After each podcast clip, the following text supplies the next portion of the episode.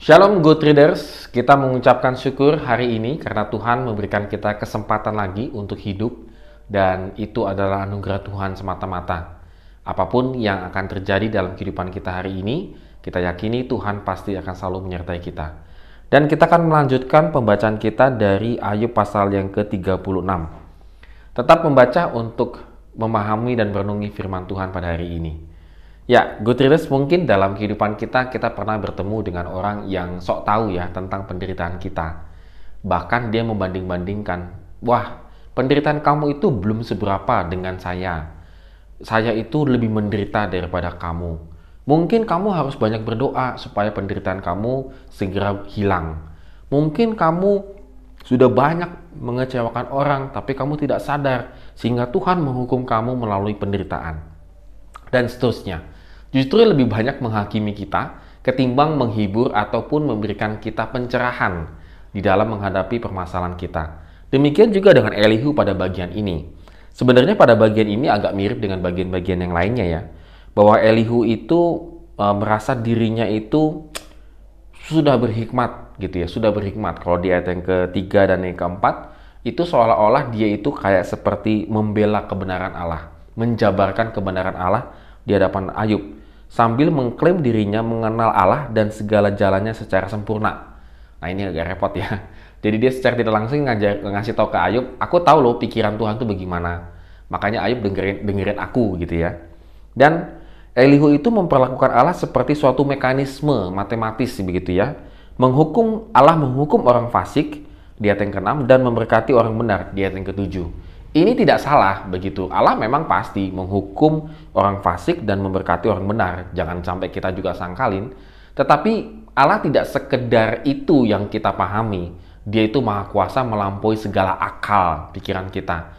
Dan kita menangkap satu konsep tentang Tuhan, yaitu memang Allah menghukum orang benar, eh, orang fasik, tapi juga memberikan berkat kepada orang yang benar. Itu betul.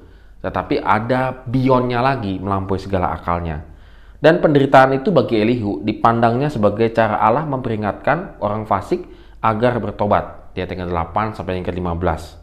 Dan Ayub termasuk kelompok orang fasik yang sudah diingatkan Allah melalui penderitaannya seperti seorang penjahat. Di ayat 16 sampai dengan 17. Oleh karena itu Ayub seharusnya bertobat. Ayat 18 sampai dengan 21 dan bukan menjerit menyalahkan Tuhan, seolah-olah menyalahkan Tuhan ya. Ayat 22 sampai dengan 25. Dengan pandangan seperti ini, maka sebenarnya Elihu itu seperti sedang menghakimi Ayub dan dia tidak merasakan empatinya, empati tidak dipakai untuk memahami penderitaan Ayub, untuk memahami pertanyaan-pertanyaan Ayub kepada Tuhan. Justru dia membuat uh, seolah-olah memahami jalan pikiran Tuhan, lalu dia menilai kepada Ayub.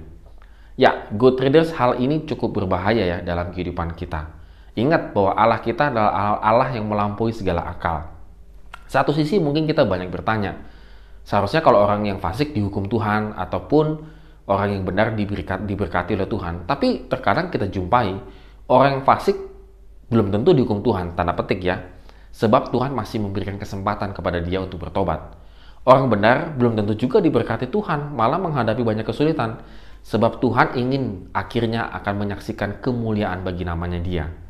Jadi kembali lagi go traders, apa pun yang kita hadapi pada saat ini, janganlah cepat-cepat kita menilai, lalu kita mengecilkan Tuhan, ataupun kadang-kadang ah saya sudah tahu nih Tuhan pasti begini-begini. Tidak, kita harus tetap memiliki sikap rendah hati supaya Tuhan itu boleh menyatakan kehendaknya kepada kita dengan sejelas-jelasnya.